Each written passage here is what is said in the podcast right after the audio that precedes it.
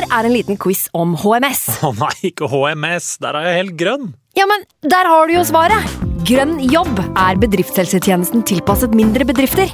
Våre HMS-eksperter hjelper mer enn 8000 bedrifter over hele Norge med alt fra lovpålagte HMS-krav til pålegg fra Arbeidstilsynet. Få på plass bedriftshelsetjeneste på grønnjobb.no. Hallo?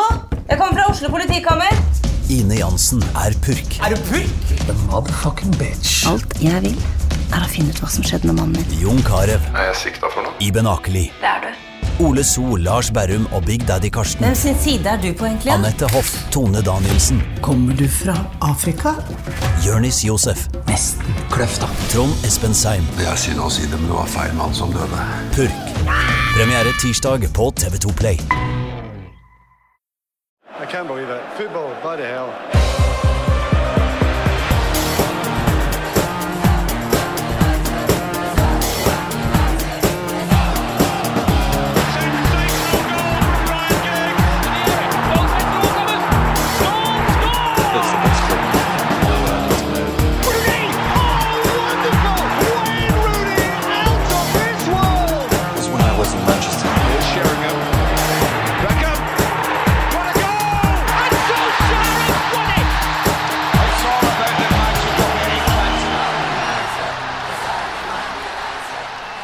Velkommen skal du være til United We-podkast. Eh, tap i ligacupen, seier i Premier League. Hvordan eh, ser det egentlig ut nå, folkens? Anders Serener er på, på plass, på Halla. ballen. Halla. Eh, Mats Arntzen, eh, VG-mann, også på plass. Hei. Og på ballen. Ja. Ok, eh, En seier og tap. Eh, generelt ståa i Manchester United. En liten stund siden du har vært innom, eh, Mats, selv om du har vært der med fryktelig mange ganger her tidligere. Ja. Hva tenker du akkurat nå? Eh, nei, det er jo drit. Vi spiller dårlig. ja, du spiller dårlig, ja. Uh, og har allikevel uh, på en eller annen merkelig måte klart å få 18 poeng på de 11 første kampene. Ja. Som er godt betalt. Så du Eh, syns det egentlig ikke på en måte eh, sammenfaller med kvaliteten på fotballen på banen? Nei. Eh, jeg sjekka for uh, moro skyld rett før jeg dro, faktisk. Eh, jeg diskuterte litt med vår kommentator på internasjonal fotball, Trond Johannessen. Mhm. eh, en av våre beste menn, etter min eh, mening. Ja. Eh, at det, det er noe der, da. Det at man klarer å slå Fulham, Mm. selv om man ja, spiller dårlig i, i store perioder. Og at Mm. man klarer å snu mot Brentford. Altså, det, det er noe, et, kanskje et hint av hva, hva som er grunnen, da, er vanskelig å si, men at Manchester United fortsatt er Manchester United på ett vis. Ja. At det for motstanderen da merker litt på det, kanskje, eller at det er kvaliteten i enkeltspillere som gjør at man klarer å skvise det ut. da. Mm. Eh, Så noe er det, er det jo der. En slags sånn ærgjerrighet om, om å vinne kamper som vipper. Det er vel, det er vel kun slått svakere motstand, omtrent. Ja. Og alle med ett mål, eller? ja, Ja. det stemmer Minus bra, det. fire i målforskjell oppsummerer jo mye. Det gjør jo det, og jeg føler også at eh, ligacupmatchen mot Newcastle oppsummerer ganske mye. Ja. Eh, for der går jo da begge lag ut med et litt sånn B-prega mannskap.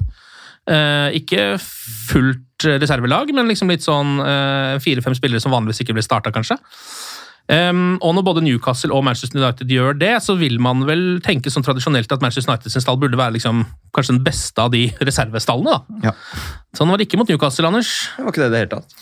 Eh, rett og slett en liten krisematch, vil jeg si. Oppi, eh, altså nå er man jo en, en periode hvor det er mye som er krise, men akkurat en sånn type match, det, det, det, det skal man egentlig ikke trenge å se på, altså. Det der er for Ja, det var, Det var vi, sjokkerende. vi prøvde å analysere litt sånn i ettertid og sto imellom, husker jeg.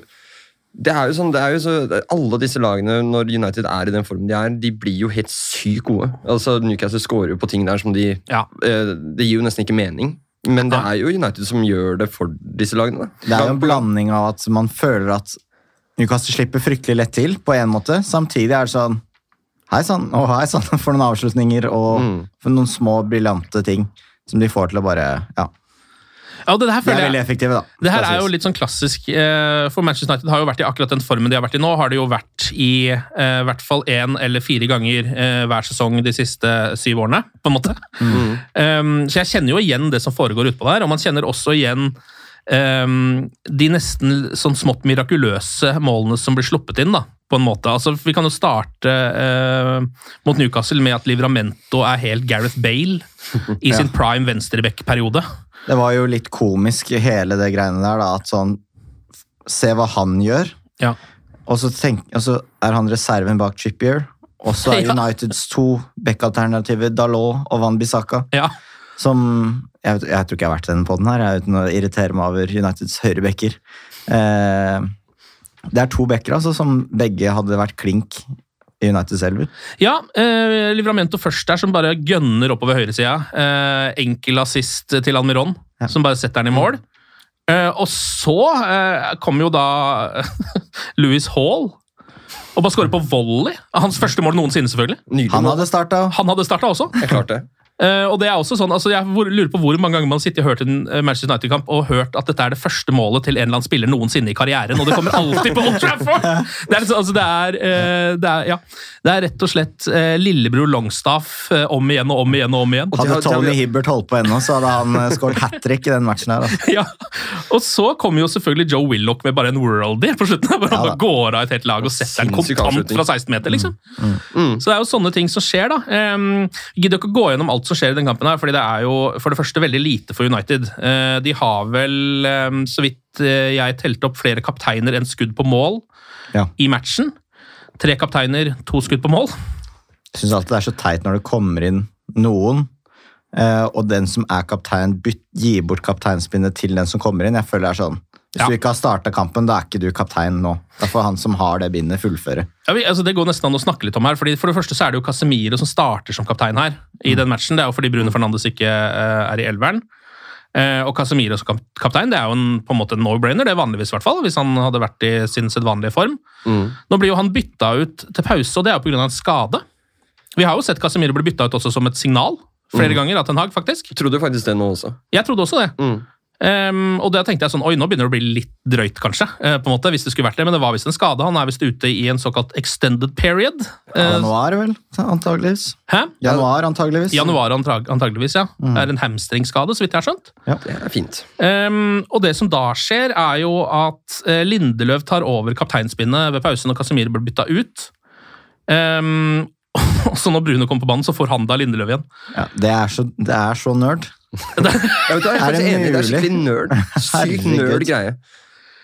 Sånn Men- skal det ikke være. Skal Vi også, vi må jo nesten diskutere hvorfor ikke Harry Maguire er involvert i noe av dette. Må ikke det? Altså sånn, Nå har de da hatt tre kapteiner i bare denne kampen her. Um, Det er mobbing.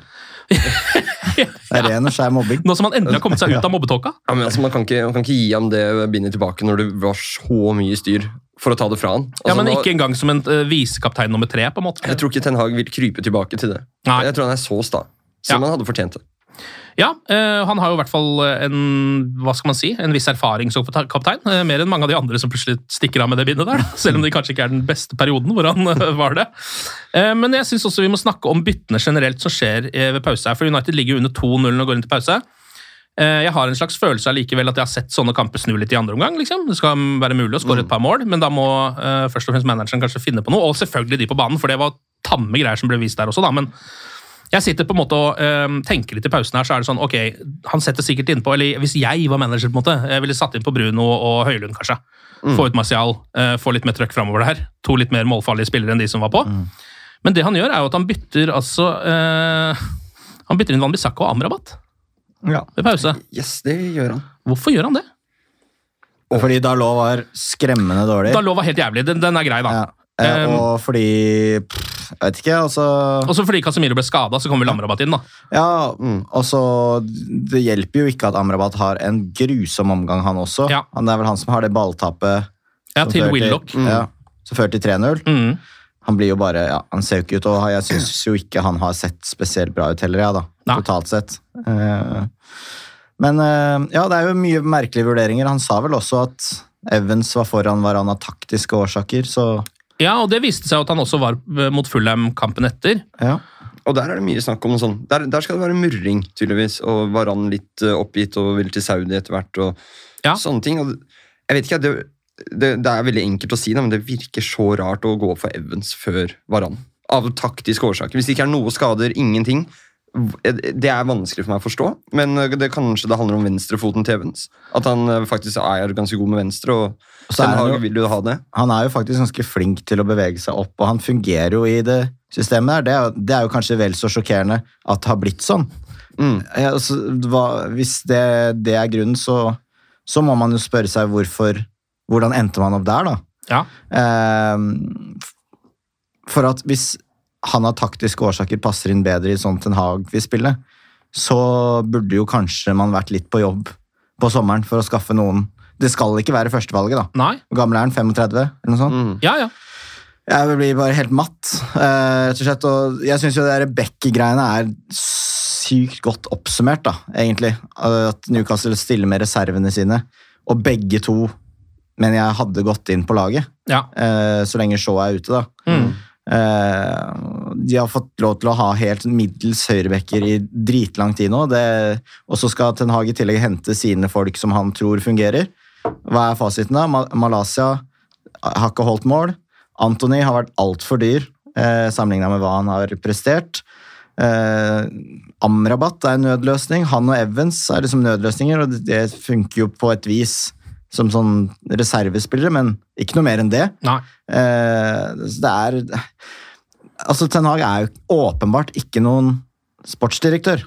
Og det funka med, sammen med overmarsj i Ajax. Det er jo det som blir meldt fra Nederland òg. At sånn, han er ikke noen lagbygger på den måten. Mm. Eh, og det, det skriker jo etter det behovet. Ja. Det er jo helt utvilsomt. Man ser hvordan de andre klubbene driver. Se hvordan Newcastle har brukt pengene og bygd sten for sten. Eh, det er ikke som om de hadde det fra før. De begynte med Ashworth, henta han tidlig og funnet riktige folk. City driver riktig, Arsenal driver smart, eh, Liverpool har gjort det lenge. Og så driver United og surrer rundt på sånn der altså Det er jo så amatørmessig drevet. Ja, det er jo det. Eh, og så er- kommer jo alt dette her veldig an på altså sånn, Nå hadde vi jo selvfølgelig, Hvis eh, Erik Den Haag hadde fått til dette her, da, eh, for sånn som han gjorde eh, store deler av forrige sesong, så klager man jo selvfølgelig ikke. For da tenker man vel kanskje at ja, det er så fint at manageren har henta spillere som han liker, eh, som han får brukt og får det beste ut av, på en måte.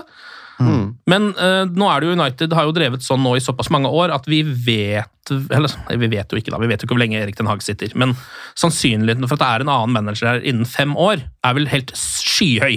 Ja. Uansett nesten hvor bra han skal gjøre det, på en måte. Mm. Fordi noe skjer.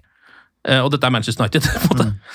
Ja, altså, Det blir jo kanskje litt for enkel forklaring, da, men nå har United gjort dette hver andre sesong siden Ferguson. At en ny trener kommer inn, henter sine spillere. Kommer en ny trener inn, vil ha sine spillere. Mm. Får jo aldri noe kontinuitet i noen ting. Og som eh, Mats var inne på, det, det, jeg har jo sett det fra Nederland, det er jo overmarsj langt på vei som får crediten for det Ajax-laget. Og det ser du i andre klubber òg, som bare De drives bare. Uavhengig av hvem som er sjefen.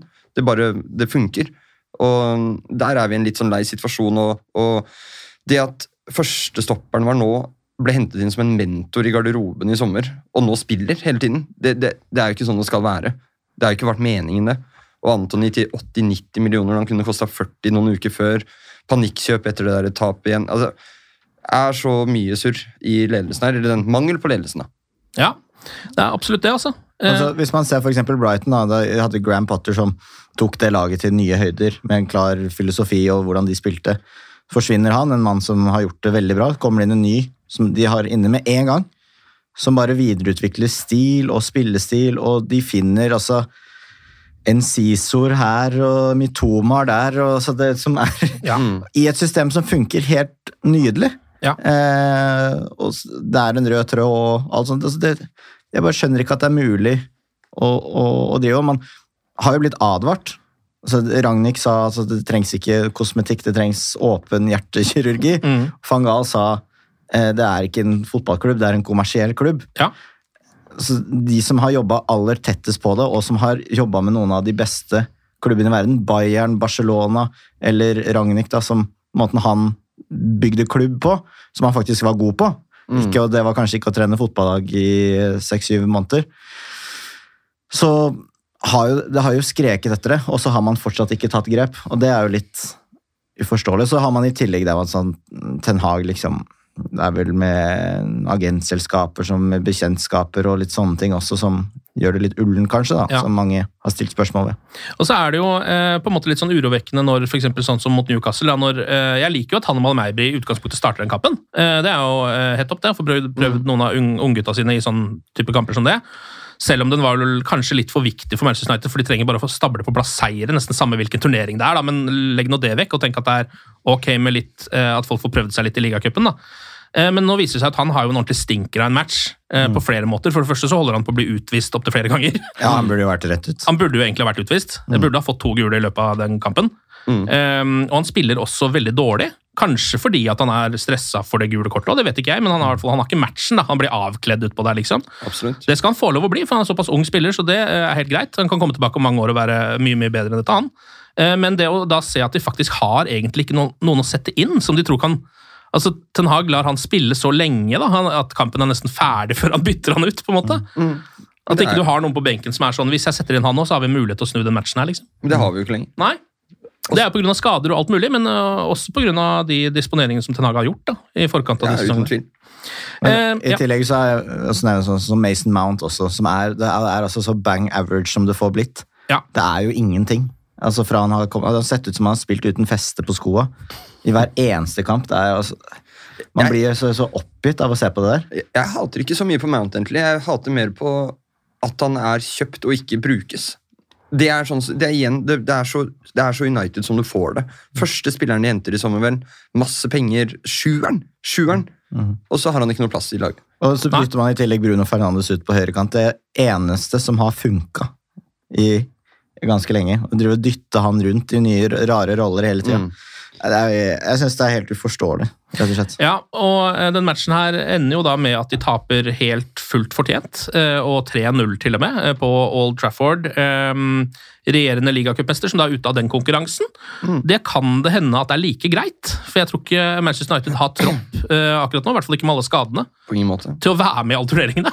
Så det er nesten bare en liten sånn blessing in disguise å ryke ut av igjen, tror jeg kanskje det kan være. da. Um, og så er det jo uh, matchen mot uh, Fulham, da borte på Craven Cottage i Premier League. Uh, United litt tilbake til et tilnærmet førstelag, hvis man ser bort fra skader. Onana står i mål. Dalot ja, er jo venstreback i den kampen her, da. Maguire og Evans som midtstoppere var han fortsatt ikke sett på som et godt nok alternativ. Eh, Van Bissaka på høyre, McTominay, Eriksen og Brun på midtbanen, Garnaccio og Antony er vingene, og så er det Høylund eh, foran. da. Her var jo det store samtaletemaet i forkant at Marcus Rashford ikke var i troppen. Mm. Eh, og det er jo fordi, eh, ifølge Ten Hag, at han rett og slett var skada. Mhm. Eh, men så var det jo også eh, noen rapporter fra noen dager tidligere at han feila bursdagen sin på byen. Eh, etter tapet mot City, var vel det, da. Mm. Um, og fikk jo kritikk av Ten Hag for det. Men Ten Hag uh, sa i intervjuet før match at han hadde starta kampen hvis ikke han var skada. Så hadde ifølge han ikke noe med denne bursdagsfeiringen å gjøre. Kall det, Er det noen som klarer å bli uh, Nei, det er jo bare en omvendt uh, Sancho, tenker jeg. Altså, bare, okay, jeg kan ikke calle ut han her igjen, liksom. Eller jeg kan ikke calle for, jeg må bare si han er skada. Det forrige gang funka ikke i det hele tatt. Ja. Kan, kan, kan ikke ha to gode vinger som ser på U18-kamper. Det går ikke. Så kanskje han er skada, kanskje det bare var festing på byen. Ten Hag er jo typen. Cristiano Ronaldo var jo bemerkelsesverdig ofte skada borte mot storlag i kamper hvor han eh, ikke starta. Ja. Mm. Eh, så man blir jo litt sånn Men samtidig, alt lekker ut av den garderoben, så hvis, eh, Dressing room sources. hvis, hvis han ikke var skada, så hadde vel det kommet ut, det òg. Ja, så, sannsynligvis, da. Eh, Rashford ble jo 26 år gammel, hadde visst en eh, fest på et litt sånn eksklusivt sted eh, ute på byen, så vidt vi har skjønt. Men hva tenker dere her? Da tenker dere at han At det er liksom fordi at det er så forbanna mye støy rundt United at han bare ikke orker en ny runde med det? At det er liksom sånn Det, er jo lett å tenke det, da. Ja. At det bare sånn Denne tar vi internt, og så eh, dropper det eksternt. Og så kan det jo hende at uh, dette er jo kun uh, konspirasjoner og ja, drodling. Men at man da for en mindre gruppe ser om det siver ut, det òg, liksom. For eksempel. Ja. Eh, Og du tenker en sånn uh, It's ja. Rebecca. Wardy-stemning? ja, det har vært uh, fint. men altså, Bare se på hvordan ting har snudd. da. I fjor så gjorde jo Ten Hag dette mot Rashford. Altså Da han kom for sent til lagmøtet. og ja, Derfor får ikke han starte i dag i sitt livs beste form og kommer inn og snur det. og Fikk masse skryt for det. Masse skryt, og det funka så Men du vet jo at det hadde ikke funka nå. altså, det, det, det, vi er ikke, eller altså United er ikke der i dag, og det er ikke Ten Hag heller. Hvor han kan risikere å få en ny sånn spillesituasjon. Så om han ikke var skada, så tror jeg nok det er den uh, ekte grunnen. Men Ja. var han ikke ganske sånn, litt sånn ullen rundt hva skaden var òg? Jeg har i hvert fall ikke, jeg klarte ikke å registrere det i, hvert fall, i farten. Ikke, ikke jeg heller, faktisk. Nei. Eh, helt hva det var. Det også er litt sånn Mm. søss, som man sier. Ja, og så er det jo litt sånn, Rapporten er vel også at han sannsynligvis er med i troppen mot FCK Ja. eh, Mm. på onsdag. Ja. Vet vi ikke noe om dette her, her og nå? da? Hvis han, er, hvis han er ute av troppen også mot FCK, så må vi kunne legge bort konspirasjonen og tenke det er en skade. Hvis han er tilbake igjen, så kan man bare konspirere på så mye man vil. Han kan ha festa igjen nå, da. Da- Men eh, Dama mi var i sjokk og vantro hva, hva er greia. Er det, er det ikke lov å feire bursdagen sin, liksom? Og jeg sa nei, et 3-0-tap mot City er litt dumt. Ja, men det er jævlig kjipt, da. Bare sånn, hvis han inviterte bursdag, så må man bare si sånn Nei, dere kan ikke komme, vi tapte. Ja, bursdagen er avlyst, vi tapte. ja, og så sier jeg bare ja, men, Herregud, han burde jo skjønt at det ble tap mot City uansett. Arrangere bursdag rett etterpå. Det hadde i hvert fall vært ille. sa, Sorry, det blir ikke noe feiring. Vi skal spille mot City. Det blir mest sannsynlig tap. Og da ble jeg svar skyldig. Jeg, altså. jeg, hadde, hadde, hadde ikke noe, jeg hadde ikke noe mer å komme med. Nei, for han har altså øh, Ja, han har jo Greia er også at han har jo faktisk bursdag, da. Det må man jo kunne tillegge, da. Ja. At fyren har hatt bursdag. Eh, han har hatt mulighet til å feire den. Men han har også en terminliste på kjøleskapet hjemme. Ja. Altså, det er bare en litt rar altså, legge den akkurat på den dagen. Hvor det mest sannsynlig går eh. Men eh, til hans forsvar eller et eller annet sånt, så så han var litt ute på Twitter og meldte i stad. mot vel Mark Goldbridge og gjengen, som la ut en video om at han kunne være på vei bort. og sånn. Da sa han slutt å spre disse teite ryktene. Ja. Så han er dedikert. På Twitter, i hvert fall. Ja. Og men eh, det var jo ganske lukka, var det ikke det? det var sånn, hva var det? China White? Var det det stedet het? Ja, det vet jeg ikke. Jeg tror det. Eh, det var jo det var ingen bilder, ingen video. Så det var liksom bare Ja. Jeg lurer på om liksom United, hvordan de fikk tak i det på forhånd også.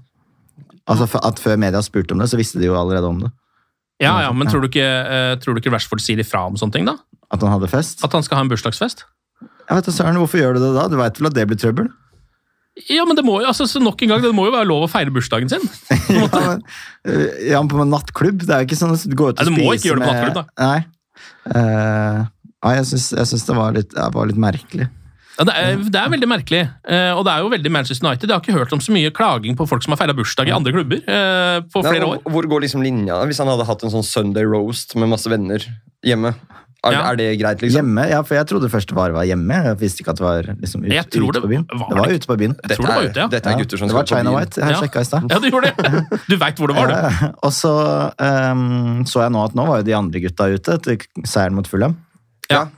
Da så jeg det ordentlig. Men det jeg beit meg merke i da, var at de hadde ganske sånn nøktern stil. Det var ikke noe sånn Haaland-aktige bekledninger på Nei, gutta. men Men da hadde de sikkert fått kjeft da òg, hvis altså, du går ut og bare har vunnet 1-0 mot Fulham, og så går du i eh, full Haaland-dress. Ja, jeg vil si at André Onana hadde en ganske frekk blå fra topp Ja, til tå-variant. ikke. Så ikke ut, men eh, 1-0 mot Fulham skal jo så klart ut og feires, det. Ja. ja, for det blir jo det, da. Eh, vi må gjennom noe her. Vi var inne på at Varan ikke starter. Casemiro ble jo skada, så han er ute. Mm. Eh, Lindeløv var syk, så han var heller ikke med. Mm. Vet ikke hvor lenge han er syk. Det er jo sykdom og skader hver match nå. Eh, det første som eh, kameraene plukker opp eh, på Craven Cottage, er jo banneret som eh, bortesupporterne har med seg. United-supporterne. Play like you mean it, som det sto der. Mm. Eh, McTominay var ute og snakka om det etter matchen. At han faktisk bet seg merke i det Mm. banneret, og at de snakka om det seg imellom. At de fortjener bedre. Ja, altså de som sitter på tribunen, ja. Mm. Eh, Så det er jo altså sånn eh, det er, man vet, altså sånn, Jeg vet jo at spillere får med seg mer enn man skulle tro av det som skjer på tribunen. Men det er jo litt deilig å se at de faktisk er sånn Vet ikke om det var derfor de vant 1 mot Fulham, men at de faktisk ser da, at det er Ja, for det, var- ikke sånn at de ga bortesupporterne noe, noe voldsomt mye å kose seg med i 90 minutter heller. Nei, det er jo en stinker av en kamp, ja. Det, det første jeg fikk med meg i kampen, var for jeg var, jeg var på do. eller noe sånt. kom jeg tilbake etter 30 sekunder, og da ligger Harry Maguire nede. Ja. og jeg, jeg får akkurat med meg at han spiller ut den ballen, og så er det sånn Men så klart! ja. Så klart er vi der! Er, kampen har akkurat begynt. Altså det er, det er, han har ikke vært borti ballen ennå. Nei. Eh, og så er han skada. Da har han fått uh, hodet mot en skulder der, eller noe sånt. Mm. Uh, og ligger nede helt sånn slått ut med en slags hodeskade. Mm. Den blir sjekka, selvfølgelig. Det tar ganske lang tid, tar noen minutter. Vi Må jo sjekke det ordentlig. Mm. Han fortsetter, og så går han jo ned igjen seinere, Mm. men spiller hele matchen. Så den der er litt sånn Han var ganske god også. Ja, han var bra, ja. Ja, jeg så Han skrev det på Twitter, at han, fikk, han ble rett og slett bare slått tilbake til en sånn Vidic-rolle. Kanskje det er det som er tingen for han. Han må få seg en sånn skikkelig smell med en gang. Gjerne i hodet. Han kunne i hvert fall være med ut og spise etterpå, for det har jeg kontroll på. Det har jeg også sjekka. Han var ute og spiste, ja. Han og Evans og uh, McTominay, så jeg. Mm. Det er jo en grei gjeng, det. Eh, United skårer jo faktisk etter åtte min. Eh, et eh, frispark på litt sånn ja, hjørnet av ca. 20 meter omtrent. Bruno som slår den inn til Garnaccio, som står på bakre. Han styrer ballen på tvers inn i feltet. McTominay står der, setter den i åpent mål. Og så er det VAR. Men det var ingen rundt bordet her som feira da den ballen gikk inn. Nei, men Det har man jo slutta med hvis man er United-supporter. Ja, altså det er så, også, så klart skal de finne opp en subjektiv offside. Ja. Altså, det er åpenbart at det skal skje. Ja, for det er jo det som skjer da. Den går til VAR, eh, og de eh, sjekker jo først selvfølgelig om Garnaccio er i offside, for han er jo den som eh, har assisten på det målet. Det er han jo ikke. Han er ganske klart onside. Og så tar de vel sikkert en liten sjekk for å se om McTominay kunne være offside. Det er han jo ikke. Men Harry Maguire, mm. han er så vidt i offside når ballen blir slått inn. Eh, han er jo selvfølgelig ikke involvert i noe, på en måte. da. Han står kanskje litt grann i veien for en Fulham-spiller som ikke hadde nådd ballen uansett. Eh, men målet blir annullert, det. Ja, altså Fem minutter vel i varrommet, og så bort og se på skjermen. Ja. det, En, en, en, når dommeren må bort og se på en offside, det er veldig uvanlig. Eh, Bare, nå har vi sett mye rart på VAR, men det er en litt rar sak. ja, det er jo fordi de må vurdere om han påvirker spillet eller ikke. da. Om han, eller han går etter ballen, på en måte. Mm. Men eh, man har liksom pene mål og stygge mål, og dette her synes jeg var en stygg offside. det var sånn skikkelig stygg offside. En av de verste Ja, sånn knotemål, og så blir det selvmålaktig. Sånn var den offsiden. Ja, øh, det, sånn, det var sånn, uansett da, eh, hvilket lag man holder med, sånn, bare sånn, sånn, sånn der er irriterende. ja. Og det er, ikke, det er gir meg ingenting som fotballsupporter, da. Eh, sånne der avgjørelser er sånn- Om det er et lag jeg heier på eller ikke, eller om det er et lag jeg har betta på eller betta mot altså, sånn, Jeg bare syns det er dritirriterende. Ja. Eh, og det er jo ikke bra nok at det tar så lang tid og Helt håpløst. Altså, men, men det er jo ikke offside. Altså, jeg, jeg skjønner ikke at det er en regel nå. Altså, jeg, nå er jo ikke Maguire nær ballen. Forsvarsspilleren ville aldri kunne tatt ballen. Du har jo sett sånne situasjoner en million ganger før. Ja, ja. Men nå er det en ny ting. da. Nå, nå, nå håper jeg det skal være sånn for, i hver runde fremover. For det er veldig gøy å se på. Jeg syns, det beste argumentet mot VAR da, er liksom at Eller ett av mange, kanskje. Det spørs hvem som sier det. Men før så var liksom de beste dommerne var de som var usynlige. Nå er det flisespikkeri på små ting hele tida Ja. som gjør at dommeren havner i fokus på sånn helt sånn irrelevante situasjoner. da. Dette er jo en irrelevant offside, egentlig. Ja. ja, han ene Fulham-spilleren blir litt hindra av at han er der. Så klart han drar jo en fordel, øh, fordel av det. Det er litt nytte. Jeg skjønner jo, jo argumentasjonen, men samtidig er det bare sånn Det er jo bare drit. ja, det er jo det. Det er jo, gir ingenting for den som sitter og ser på TV-en. Og så har man jo også sett eh, opptil flere ganger, det var vel eh, sitt, sist nå med Manchester City, som jo fikk et sånt mål. Eh, da var det Akanji som sto rett foran keeper. Det var en mye verre situasjon, han var mye mer involvert i spillet. Ja, og den ble ikke tatt. Den ble ikke tatt, men da gikk jo også eh, dommerne ut etterpå og sa at det var feil at den ikke ble tatt. Selvfølgelig, den skulle vært annullert. Det tror jeg alle egentlig var litt klar over også. Og derfor så kom jo da, på en måte, eh, som vanlig, eh, dette til slutt å ende opp oppi rassen på Manchester United. Sånn som det gjør Ja, ja. nå. Fordi Manchester City sitt mål ikke ble annullert, så er det United sitt som blir det. Jeg så en sånn oversikt i går, og United kommer veldig dårlig ut altså, med ut. vareavgjørelser denne sesongen. Ja, jeg sitter på det her. Det er ISPN som har tatt en liten sjekk her. Eh, United har jo eh, fått annullert fem mål av VAR denne sesongen. eh, og det er jo det laget som har flest annullerte mål, selvfølgelig det. Eh, nå vet jeg ikke om de har også tatt med liksom sånn eh, det motsatte, da. At et annet lag skårer og det blir annullert eller ikke. Men det har i hvert fall ikke United fått noen fordeler av heller. Så det er egentlig... Nei, Onana, da, mot Wolves. Ja, ja, det ikke ble straffe, ja. ja. Det var før man visste hvor dårlig det sto til med United. Så da var det litt Ja. sånn, United er såpass bra lag at det her, den, den kampen her vinner de. Ja, på en måte. ja. Mens nå har det snudd også. Nei, men det der er jo, um, er jo noe man ikke blir sjokkert av lenger, da. Og så øh, er jeg litt spent på når når øhm, det glasset renner over, hvis dere skjønner hva jeg mener. Altså, Hvor mange ganger skal det her skje i sånne type situasjoner før man kanskje ikke sender den neste sånn situasjonen til VAR? da? Altså, ja, Det tok jo Arsenal én kamp og sendte en klubbstatement. i Ja, ja. Vi har fem. Eh, Vi har ikke, vi har vel ikke, jeg tror ikke Ten Hag har klagd så veldig mye engang. Eh, Til fjerdedommerne på sidelinja så gjør han det. Ja. Eh, Voldsomt, ser jeg. Jeg tipper de, Det murres i garderoben, men jeg tror ikke det er noe man tar ut, utover. Men det var for det. veldig merkelig, det òg. Var det ikke altså Det var tre situasjoner som ble sjekka, Ja, og det ene var, var det det ble tatt på? Det Da at- ballen var ute, ja, som var umulig å se. det var umulig å se. Litt samme som det var med Marcus Rashford. Uh, men United fikk jo den annullert, men det er ikke noe, Nei, det- det, er ikke noe så. Og jeg, jeg har uh, veldig respekt for dommere også i breddefotballen som dømmer alene. Jeg skjønner at det ofte er veldig vanskelig og krevende, og man trenger fler osv. Men akkurat der har jeg, der har minst tiltro til dommere. Er det å vurdere om ballen er ute eller ikke. Fordi med en gang de ser noe grønt mellom ballen og linja, da, det, da, er, da blåses det. Ja. Og, og, men ballen er rund, så Ja. her, her ser man ovenfra, så er den Det skal så mye til før den er ute. Det skal det, og det er jo det som er litt gøy òg. Det virker som det er den ene tingen de aldri helt får fastslått om ballen er ute eller ikke, for de har ikke gode nok kameraer til det, rett og slett. Så det så vi jo med Rashford sin. De hadde ikke egentlig gode nok bilder, men de bare gikk for den er ute. Eh, og i dette tilfellet gjorde de da ikke det, da. Eh, Helt umulig å se egentlig om den ballen faktisk er ute, for vi har jo ikke det der eh, bildet ovenfra som man nesten må ha, da. Hvorfor er det ikke mulig å ha teknologi på det? Altså som, samme Det er som, mulig, go, det. som goal line, liksom? Ja, det er mulig. Jeg tror de bare det ikke gidder. Nei, men eh, Vi snakker jo om dette hver eneste runde, så det er litt interessant i lengden. Men, men VAR er faktisk på ekte nå i ferd med å ødelegge fotball for meg. Ja. Altså det, det er blitt en, Nå er det alt jeg leser om. Du skriver masse om det i VE. alle skriver om det er VAR, VAR, VAR. Alle er sinte på VAR, VAR ødelegger kamper og sånn. Og så har jeg holdt meg unna det lenge, men, men nå kjenner jeg skikkelig på det. Ja. Jeg feirer ikke mål lenger. Du bare vet at det skal gå til VAR på en eller annen måte, og så finner du opp nye ting, og så er det inconsistent, og så, og så bare fortsetter det. Ja. Det er en skikkelig død, Og det har faktisk ikke noe med at det er United som får lide mest nå. Det er bare for idretten generelt. Og det som skremmer meg mest, er nok eh, enten man er for var eller imot, er jo at diskusjonen Det ser ikke noe ende på diskusjonen. da. Hvis du fjerner det, så vil folk mase om at det skal være der. Mm. Hvis det fortsetter, vil folk mase om at det skal fjernes. Mm. Og det også er litt seigt. Å drive og forholde seg til. Ja, det er det. Um, men jeg gleder meg til neste gang jeg kan feire et Manchester United-mål uten å tenke på VAR. Mm. Og det kan jo hende det kanskje kan skje, men da må jo da må ingen av sidelinjer være involvert. Det må ikke kunne være offside, det må ikke kunne være hands. Altså, det er så Det må, det må egentlig være en tro kopi av Beckham-målet. Ja, et mål fra midtbanen. Da kan jeg kanskje feire litt. Kanskje. Kanskje. Kanskje.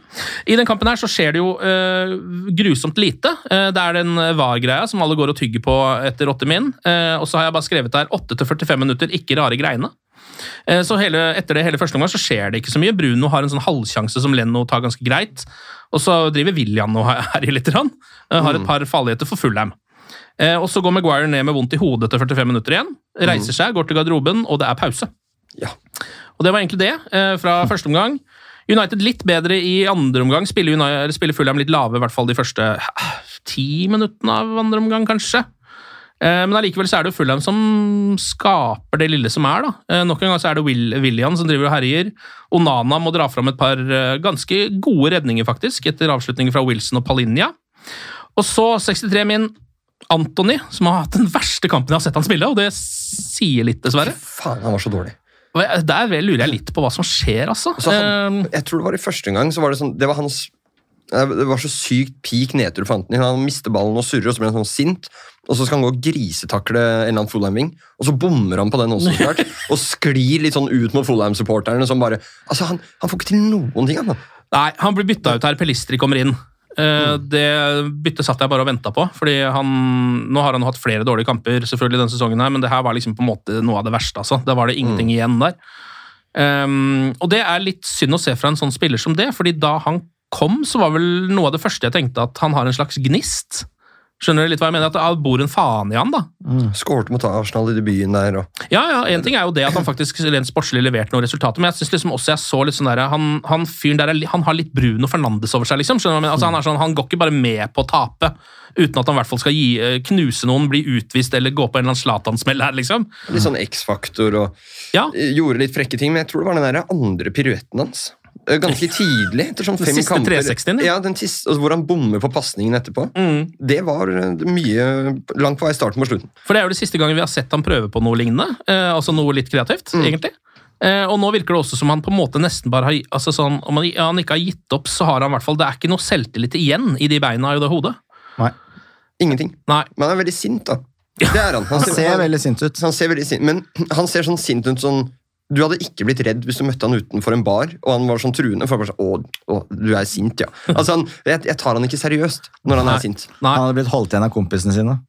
ja, sånn som en liten chihuahua står og bjeffer. Nei, det der eh, ser rett og slett ikke bra ut. Ehm, det hadde jo eh, ikke vært noe stor katastrofe hvis det hadde vært veldig mange andre alternativer på høyre. Det er det ikke. Pelistri kommer inn, gjør det bedre enn Antony for all del. Skal også være med på... til. Nei, det skal ingenting til. Nei. Skal også være med på å avgjøre dette her etter hvert. Ehm, men sånn etter 67 min så har jeg også skrevet ned en ting her, fordi det er så klassisk United akkurat nå. Da er det, de har eh, etablert et angrep eh, som de ikke har så altfor mange av i den matchen, men de har, eh, holder nå på her litt. da. Spiller ballen ut til Garnaccio, som prøver å hælsparke ballen til Dalot eller noe. Bare kløner den vekk og må ta et gult kort på Wilson. Jeg syns jeg ser så mye av det derre Det er så mye kløning nå, liksom. I tillegg til kvaliteten er lav, da. Ja, altså, her kan jo du si mer enn meg, tror jeg, for du spiller jo aktivt fortsatt. og sånn, Men jeg prøvde virkelig i den kampen her å se etter mønstre. se etter hva er det som, hva, hva prøver de på. Men, men kvaliteten på pasninger og, og for, spilleforståelse virker å være så lav nå Ja. at det er helt umulig å se. Eriksen, um, Bruno til og med, selv om han er en av de bedre spillerne. Det bare er så lav kvalitet. Mister Ja. ballen hele tida.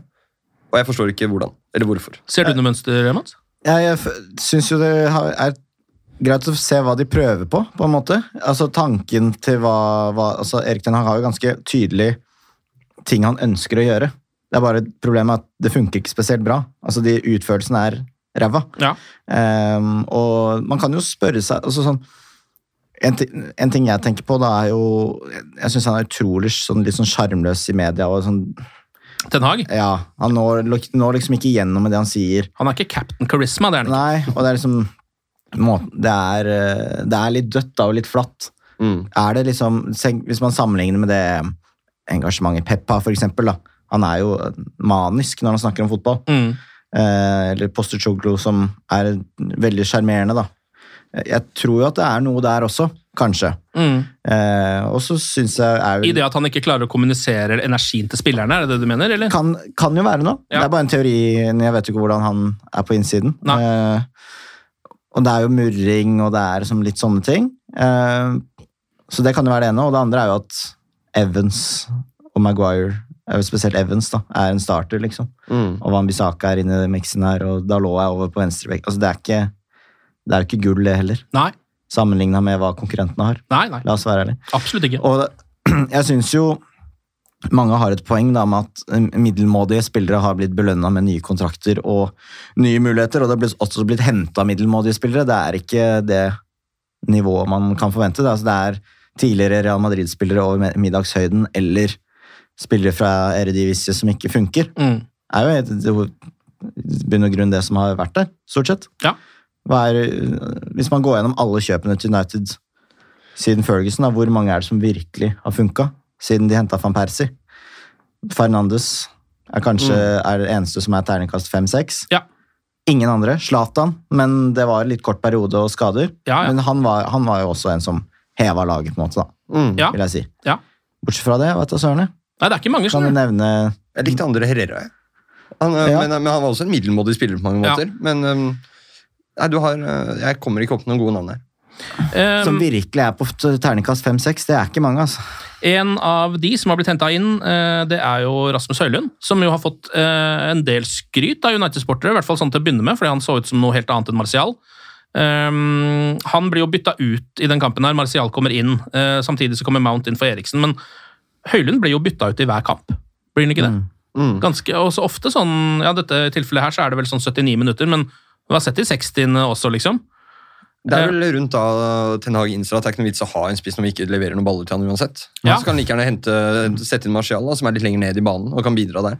Ja, det er kanskje det der. Ja, jeg vet- jeg syns det, det er helt vanvittig, faktisk. Jeg liker Høylund veldig, jeg liker spillertypen veldig godt. og Jeg klarer ikke å tro annet enn at han hadde skåret ganske mange mål så langt i en annen Premier League-klubb. I mange andre Premier League-klubber. Ja. Hva tenker du, Mats? Jeg er veldig enig. Um, hvis man ser på de XG-tallene hans, så er de ekstremt lave. Det, er jo, er det, det handler jo bare om å komme til sjanser. Mm. Uh, men Manchester United spiller jo ikke på en måte som gjør at, som passer Høylund spesielt godt. da. Han blir jo ofte stående og brøyte med forsvarsspillere, og, som han også er ivrig på. da. Ja. Mm. Eh, han er jo det stikk motsatte av Martial, men de siste så har jo det sett vel så bra ut med Martial, for da har man i hvert fall fått litt link-up på sånn rundt 16-meteren. da. Mm. Eh, I det tilfellet her, er eller den kampen her, så er det vel, har vel Høylund en anledning der han kunne ha skåret, men da har han blitt bytta ut allerede. Eh, fordi da er det Dalot som kommer seg til linja for nesten første gang i matchen. Mm. Eh, slår den inn mot Martial, som prøver å flikke den i mål, men den går utafor.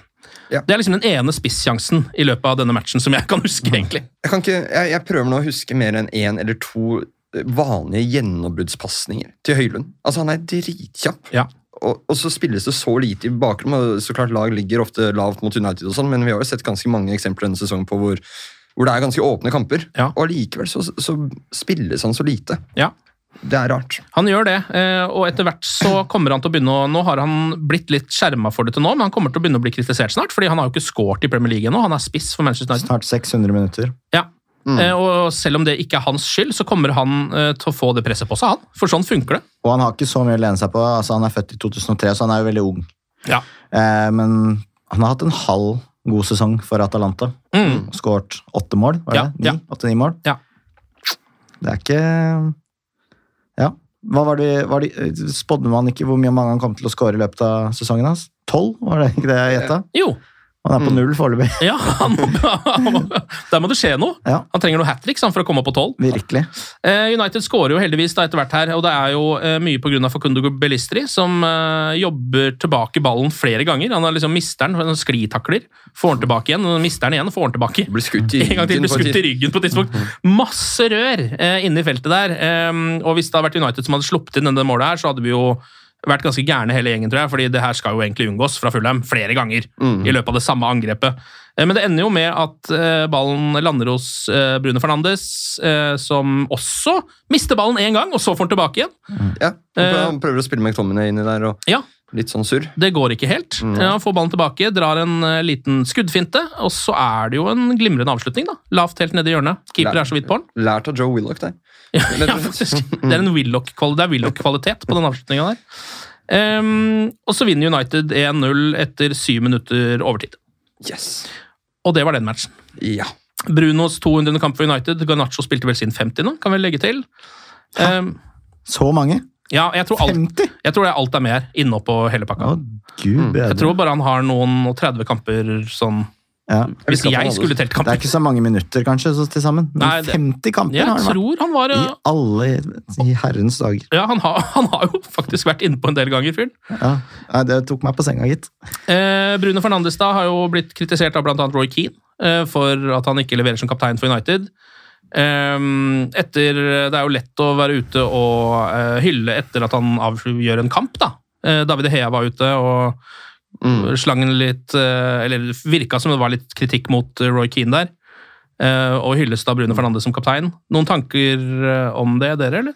Jeg syns den der kapteingreia til Keane er liksom det det er det som jeg bryr meg minst om, på en måte. Ja, Det blir litt, sånn, det blir litt platt, eller? ja. ja. At ja, det blir litt sånn forutsigbart, kanskje. Det blir den der Roy Kent-karakteren i Ted Lasso, ja. på en måte.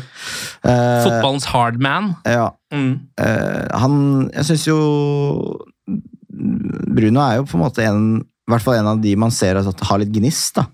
Ja. Altså Som virkelig sånn Ja, det går kanskje Det renner jo over noen ganger. Eh, jeg skjønner jo at lag som, folk som heier på andre lag enn United, ikke elsker Bruno Fernandes. Og det er litt deilig, syns jeg. Ja. Og det kan jo kanskje United-supportere like, da. Ja. At det er litt sånn. Jeg, jeg har ikke helt inntrykk av at supporterne deler det synet som Keane har, Nei. egentlig. Nei. Um, Hvem andre skal være kaptein, da? Men ærlig Ja, det det. talt, det, her er noe jeg ser mest fra andre lags supportere. Altså, Som snakker om at Bruno Fernandes uh, could never be my captain og sånt. Nei, det er han ikke heller, på en måte, for han spiller i United.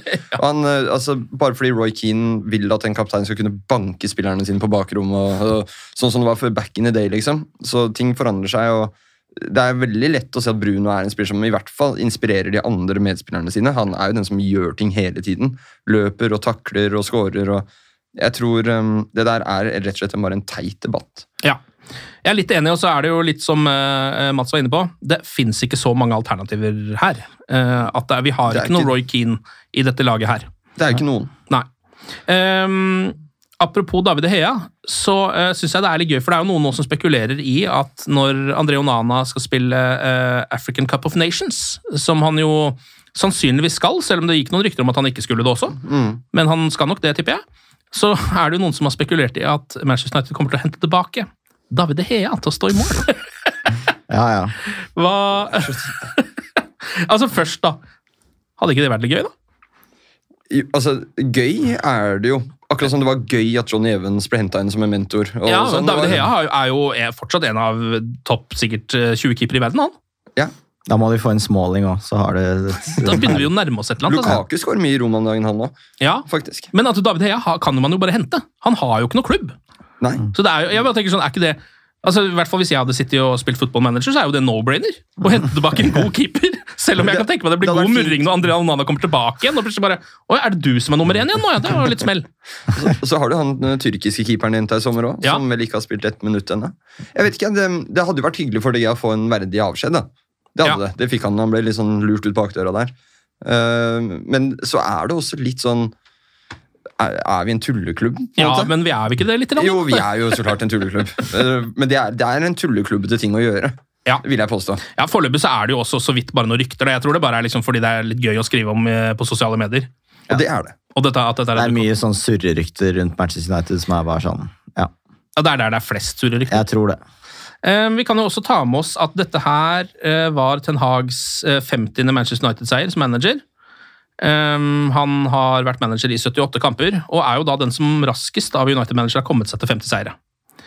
Som er noe å putte oppi denne miksen, um, som gjør at jeg bare syns det blir enda mer komplisert å vite hvor, hvordan dette i det hele tatt går. Men det var jo litt sånn i fjor òg, da. At ja. de fikk med seg poeng eh, selv om det ikke så så bra ut. Ja. Så kan man spørre seg om det er en styrke eller en svakhet, eller om det liksom Hvis strikken ryker, så ryker den skikkelig, da. Mm. At eh, ja, prestasjonene er jo langt fra gode nok.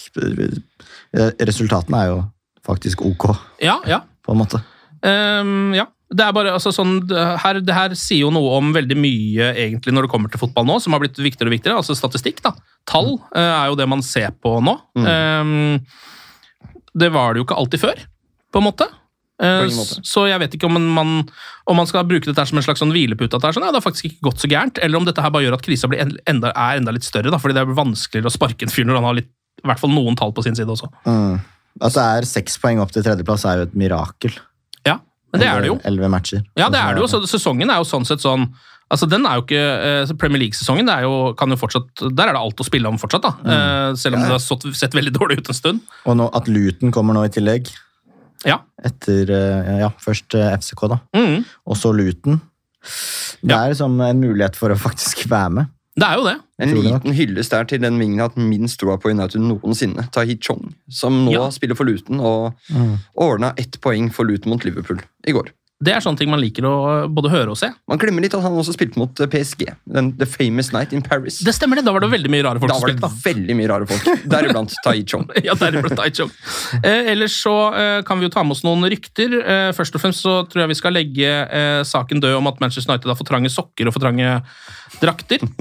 som jo har vært en av grunnene til at de har tapt, ifølge spillerne. Ja, og, og, og at de ikke spiller med den originale United Altså den originale Adidas-drakta. De, de spiller med den derre For det fins to varianter. Uh, og de spiller med den type uekte, leste jeg, for at den er litt løsere. Oh, ja! Så det, jeg, jeg vet ikke om det har blitt utdelt sånn skidresser, eller hva som er greia, men uh, alt er for trangt, tydeligvis. Eh, alt er for trangt. Alt er for trangt. Det var vel noe greier med reklameskiltene også for et par sesonger siden? var det ikke det? Var de for trange? Nei, jeg tror det var et eller annet med at ikke spillerne så hverandre pga. reklameskiltene. Det, var- det er mye rart som dukker Det var det jeg trodde skjedde med Maguire. For Jeg hadde ikke sett den der hodet, jeg så ikke at han fikk seg inn i huet. Så jeg bare, nå, nå ser du en sånn rød sånn prikk på sida. Det har man jo sett skje før. Ja. Men eh, nei, ok, så reklameskilt nå.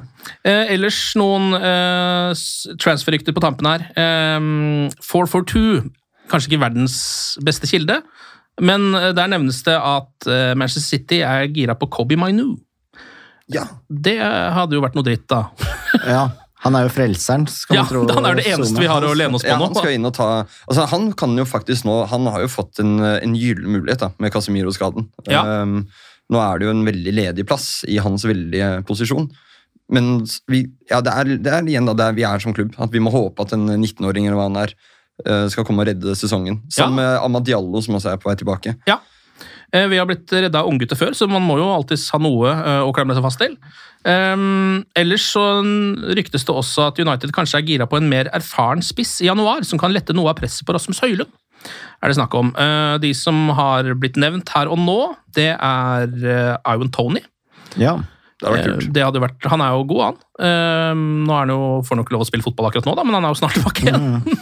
Eh, Victor Osimen blir nevnt. Det er jo bare tull, fordi han er jo for dyr. Altså, Han hadde jo ikke råd til da de kjøpte Høylund, ellers så hadde de hatt han i lag allerede, tror jeg. ja Det stemmer. Eh, og så er det Medi Taremi fra Porto, som eh, også blir nevnt. Han er jo en klassisk erfaren spiss, men det er kanskje også det han er, på en måte. Nå, nå går jo vi United-mennesker inn i en litt sånn tøff periode da, fram mot januar. For nå, nå skal alle agenter i hele verden nevne United i Ja. hver eneste sammenheng. Men Jeg tror vi bare må minne oss litt på at eh, det, det, det finnes ikke mye spenn. Altså, Nei. det er ikke sånn at vi bare kan gå ut ja, United kjøper nesten aldri spill i januar uansett. Og i den situasjonen klubben er nå, med midt mellom to eierskap og sånn, tror vi skal ta alt med en klype salt. Ja, og det må man jo generelt gjøre, med mindre det handler om spillere som skal forlate Manchester United, for det er fort mer reelt igjen, eh, føler jeg. Og der har jo Rafa Varan dukka opp i ryktespaltene nå. Eh, blant annet så er Al Nasser eh, og flere andre Saudi-klubber interessert i Varan. Høres jo for meg ut som et klassisk sånn Saudi-kjøp. Eh, og i hvert fall når han nå, når han nå er altså, eh, bak Johnny Evans i køen som midtstopper for Manchester United, så begynner det jo å bli litt skummelt. da. Jeg syns ikke han så veldig happy ut. Han varma opp eh, mot uh, Fulham da Harry Maguire gikk ned. Så, så, man, så filma han i Varan, og han så ikke ut som en lystig mann. Nei. Det gjorde han ikke. Jeg tror det der er noe som fort kan skje. da. Eh, og Det er jo, altså, det må jo være en eller annen grunn til at Rafa Varane er bak Evans i den køen, men jeg skjønner jo ikke hva den grunnen er. Så For meg så høres det jo litt krise ut å miste han. altså sånn, For det første så er det jo knapt nok midtstoppere i troppen nå, som de kan bruke. Mm. Um, og han er jo liksom en av de mer rutinerte, og egentlig en av de som har høyest renommé. da. Vi vi glemmer også litt hvor fin ting var med Martinez og Varan. Ja. Da de faktisk hadde en del kamper eh, på rad sammen. Mm. Så jeg håper at han holder kilen til Martinez er tilbake. Ja, eh, Det er vel fort i januar eller noe sånt? Ja, det er januar-februar en eller annen gang. Eh, ellers er det også en eh, spiller som jeg ikke kjenner spesielt godt til. Han er argentinsk landslagsspiller, 29 år, heter Guido eh, Rodriguez. Som også blir nykt- rykta til United. Eh, han spiller i Betis. 29 år? Ja. Ja. Eh, ja, 29 Ja. år. Ja, ja. En 29 år gammel, helt ålreit midtbanespiller fra Argentina. Eh, nå er dette eh, en Jeg lurer på hvordan United har klart å bruke så mye penger. Det er vel, de er vel soleklart den som har høyest nettoforbruk. Mm. Det er vel PSG som er i nærheten. Ja. Og så er det altså et så fryktelig langt sprang ned til tredjeplass. Ja. Og hva for hva? Altså Det er jo det som er utrolig. Tenke på at Maguire kosta 800 millioner norske. Antony en milliard. Ja. Høylund kosta ganske mye. Martial. Mm. De spiller, altså, tenk det, da. Ja, det er helt sinnssykt. Så det er jo spennende. altså man, Det er jo mm, det som eventuelt man kan spørre seg, da er jo om, førstevalg, om det har vært en del førstevalg som har passert for Ten Hag, som kan være til hans forsvar, men Det har det nok, ja. Jeg ser jo sånne kjennere skriver mye om dette. at uh, Dette skjedde jo med Solskjær og med Mourinho og så også, at de, de får andrevalgene sine. Eller B-valgene. Men Og fortsatt til, førstevalgpris, da. Det må jo ja, og, ja, hva er vitsen, da? Ja, hva er poenget da? Og når, nå, nå holdt jeg på å si alle andre klubber, det stemmer ikke, men når så mange andre klubber klarer å finne gull Det finnes så mange mennesker som spiller fotball i verden. Eh, det finnes så mye gull, eh, og at liksom verdens største fotballklubb skal være dårligst i klassen på akkurat det, det er litt sprøtt. altså. Ja, altså hvis, eh, hvis Manchester United hadde vært en slags eh, altså Noen andre som investerer i sånne ting, si børsmegler, da, for eksempel, eh, så hadde jo klubben for lengst kasta seg ut av vinduet i Wall Street. Ja. Altså, Det hadde vært ferdig for så lenge siden. Fordi den teften der er jo helt på bunn. Jeg tror liksom, jeg er nesten helt sikker på at hvem som helst kunne gått inn og prøvd seg litt, og faktisk fått litt bedre resultater enn det her, for det er jo helt sjokkerende Ja, altså, ja. overgangsteft. Jeg har gjort det bedre på FM mange ganger. Ja. Det har jeg faktisk. Ja. Og, og dårligere. Og dårligere. og dårligere. Ok, Nå er det FCK eh, borte i Champions League på onsdag. Must win. Og så er det Luton hjemme i Premier League på lørdag. Også must win. For sånn er situasjonen hos Manchester United nå. Samtidig så kan jo to seire her gjøre at de for det første eh, ligger ok an til å gå videre i Champions League, som vil redde store deler av denne sesongen. eh, Og at de også ligger helt greit an til å kanskje kunne få seg en fjerdeplass til slutt. da. FCK er det vanskeligste laget i hele Europa å slå borte i Champions League. Ja. Jeg tror det kun er Chelsea som har lavere tapsprosent på hjemmebane i Ja. Champions League. Ja. Det er ganske utrolig. Det er ganske utrolig, men mm. ikke så rart når man så de mot United eh, Paul Trafford, for de var ganske gode. Hvis de hadde unngått tap mot eh, Bayern, så hadde de vært eh, på topp. Jeg tror de har tapt to kamper ja, hjemme. eller noe sånt. Ja, ikke sant? Det er Bayern og én til, lurer jeg på. Eller om det er to til. Ja. Men fortsatt eh, en kamp som Manchester United både må og bør vinne. Det må vi være enige om. Absolutt. Lyst til å komme med et resultattips, eller? 1-1 i parken, 1-1 i parken, ja. ja, og 1-0 mot Luton. Ok. Mats? Det er vel helt riktig, det, tror jeg. Da tør ikke jeg å si noe annet. Ok, Mats og Anders, tusen takk for praten. Og glory, glory.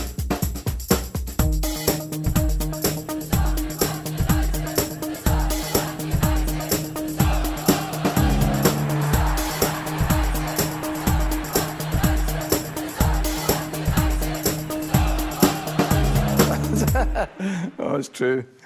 I've seen many things. Moderne media. Ukens annonsør det er matkasseleverandøren Hello Fresh.